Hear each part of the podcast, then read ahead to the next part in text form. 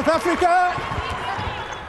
Nes my vertel gou vir my, jy is nou deesdae aanbieder, maar jy was eens op 'n tyd 'n briljante netbalspeler, 'n beroepsnetbalspeler, Danny. Sê vir my, hoe het dit gebeur dat jy in die TV-wêreld beland het? As 'n netbalspeler het ek die gaping gesien wat vroue sport in die media nie noodwendig kon toemaak nie. Daar was 'n gaping gewees.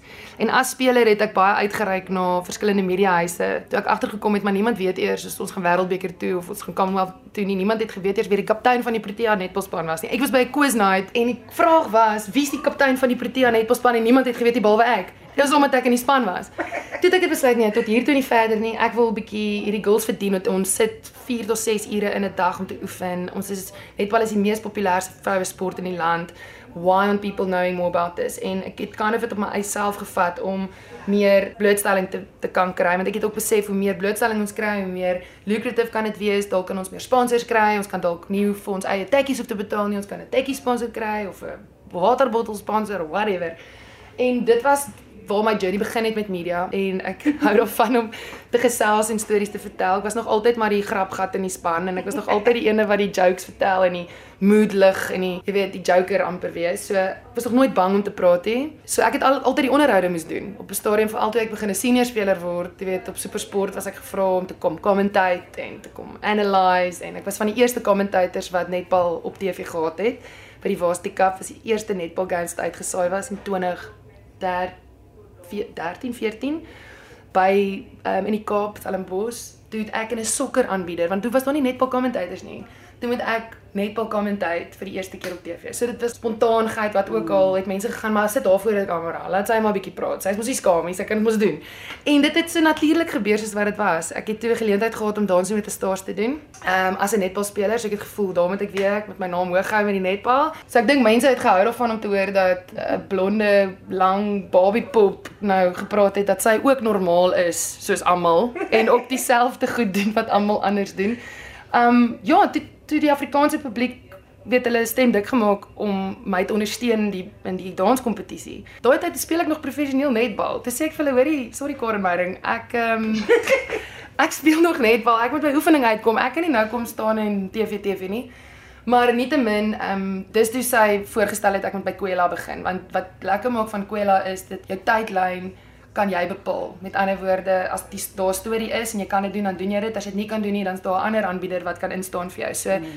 ehm um, Kwela was die perfekte match gewees en ek's mal daaroor. Dit is letterlik een van my dis die gunsteling ding vir my om stories te kan vertel en nooit geweet ek kan actually dit doen tot ek dit begin doen het nie. Ek wil by jou vra, hoe jy groot geword? Waar? Wat 'n soort mens was jy? Hoekom ek jou die vraag vra is want daar is kinders, jong mense met sterre in hul oë en jy is die persoon wat dit gaan sê soos dit is. Was jy een van daai kinders met sterre in jou oë wat gedroom het van 'n beroep op TV of net bloot iemand wat wou uitblink in sport? Ek het altyd geweet ek wil nie opeindig waar ek was nie.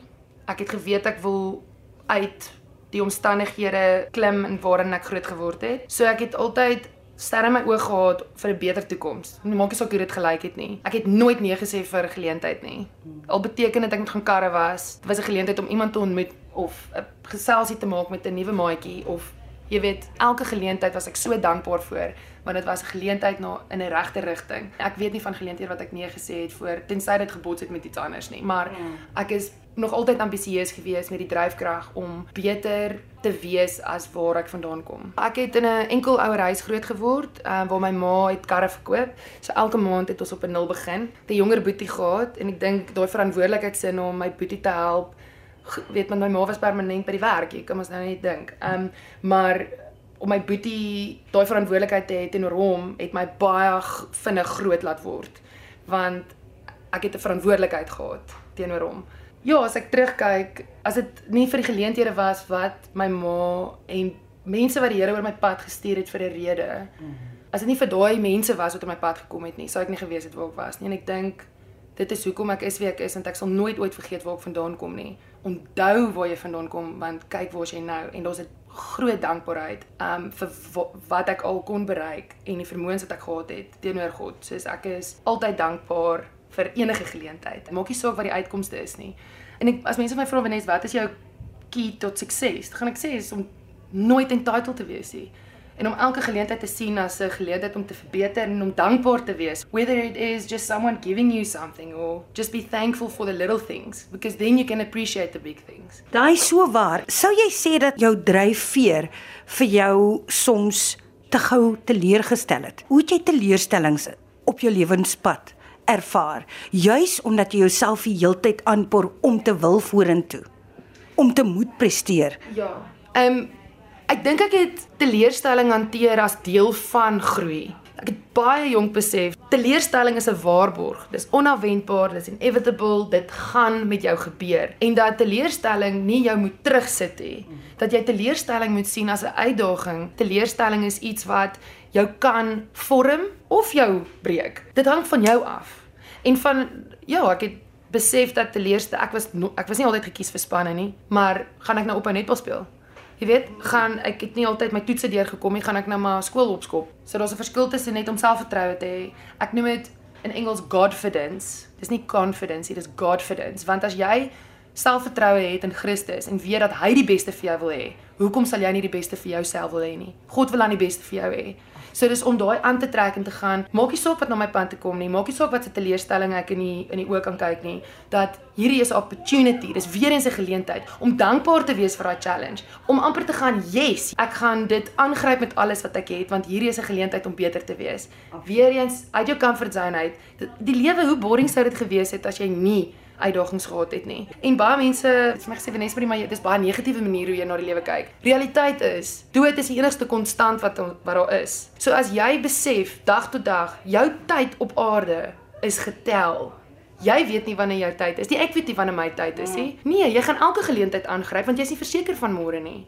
En ek dink dis die manier hoe ek my lewe lei. Dat teleurstelling is deel van daai journey. Dat jy nie moet 'n struikelblok sien as iets persoonlik noodwendig nie. Dat dit deel is van jou storie. So gepraat van deel van jou storie. Hoe lank is jy? Sê gou. Langer as lockdown. Ek het nou die dag 'n grappie gemaak, maar apparently mag ons nou nie meer 'n sekere apteekgroep noem nie, maar ek is langer as 'n apteekgroep slippie.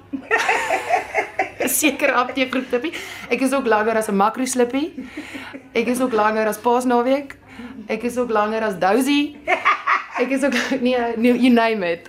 Ehm um, nee, ek is 1.9. 1.9 meter lank. So 6 voet 2. Hoe hoe was dit vir jou as kind? Was jy daaroor geterg as ek ja, jou mag vra? Ja ja ja, kyk 'n meisie wat langer is as al die seentjies is altyd 'n lekker topic vir alles die seentjies nog verlief is op jou en jy nie met hulle wil speel nie want hulle is te kort. Ek het baie seunsvriende gehad. Ek het maar altyd ek was die slot gewees in die span wat hulle nodig gehad het in die laerskool. Ek was definitief um gespot veral ook met lengte kom groot voete. Um so ek dra 'n uh, nommer 9 of 'n nommer 10 vroue skoen. Groot, Ehm um, so dis moeilik altyd om skoene te kry en dit was bietjie van 'n ehm um, jy weet altyd 'n uitdaging geweest vir skoene. Maar dit was ek was Yeti en Bigfoot en jy weet al daai goed genoem. Ek was Lurch genoem. Ek was langer as meeste ehm um, van 'n jong ouderdom af. So ek het uitgestaan en ek was nie altyd trots op my lengte nie want ek was gespot en my ouma het altyd vir my gesê my kind jy's lank vir 'n rede want dit is nie van die hoogste bome wat die meeste wind vang nie dit is die hoogste bome wat die meeste ehm um, geleenthede kan sien. Hmm. En ja, van waar ek staan is 'n half 'n vantage point, jy weet. Ja. Ehm um, so wees trots op jou lengte, staan trots, wees staan regop, jy weet, en en own dit. Jy het een lyf. Jy kan nie kies wat se lyf jy gekry het nie. Hmm. So embrace jou body, embrace wie jy is want jy het net een van dit. Wat bly oor vir Vanessa Marie, wat is daai een ding wat jy nog wil doen? Ek het nou die dag uit 'n vliegtuig uitgespring, so dit was fantasties. Ehm um, nee, ek uh, vanaf 'n fisiese oogpunt af dink ek ek ek wil nog daar's 'n paar besigheidsbesluite wat ek kan werk wat ek graag wil explore en is weer eens iets heeltemal uit my comfort zone uit. Ehm um, maar ek is net opgewonde vir die toekoms. Ek glo Vanessa Marie gaan nooit ophou droom nie. Dit is so klise om te gaan. Ek wil net mense inspireer. Ek wil nie mense inspireer nie. Ek wil hê mense moet 'n voorbeeld. Ek wil hê hulle moet Christus in my sien. Ek wil hê hulle moet my kan sien as iemand wat hulle dogter na kan opkyk. In 'n wêreld waar influencers en fake bestaan, soos 'n uh, dit wat jy sien is nie noodwendig die realiteit nie. In so 'n wêreld wil ek kan 'n uh, vorm van 'n baken wees. Maar ek wil net hê Vanessa moet kan 'n impak maak in at least een persoon se lewe. En een persoon kan sê weet jy wat, sy het dit gedoen, so ek kan dit doen. Sy sy was okay daardeur en ek kan okay wees daardeur. Dan het ek geslaag in my missie. Maar ek gaan hierdie een lewe wat ek het en hierdie een lyf wat ek het tot die uiterste toe geniet en ek gaan die beste maak van elke geleentheid, goed of sleg. As dit 'n geleentheid is wat ek dalk nie in goed is nie, dan is dit ook oukei, okay, maar ek gaan nooit ophou nie. Ek is baie optimisties oor my toekoms. Ek weet nie wat vir my voorlê nie, maar weet net ek gaan nooit ophou droom nie.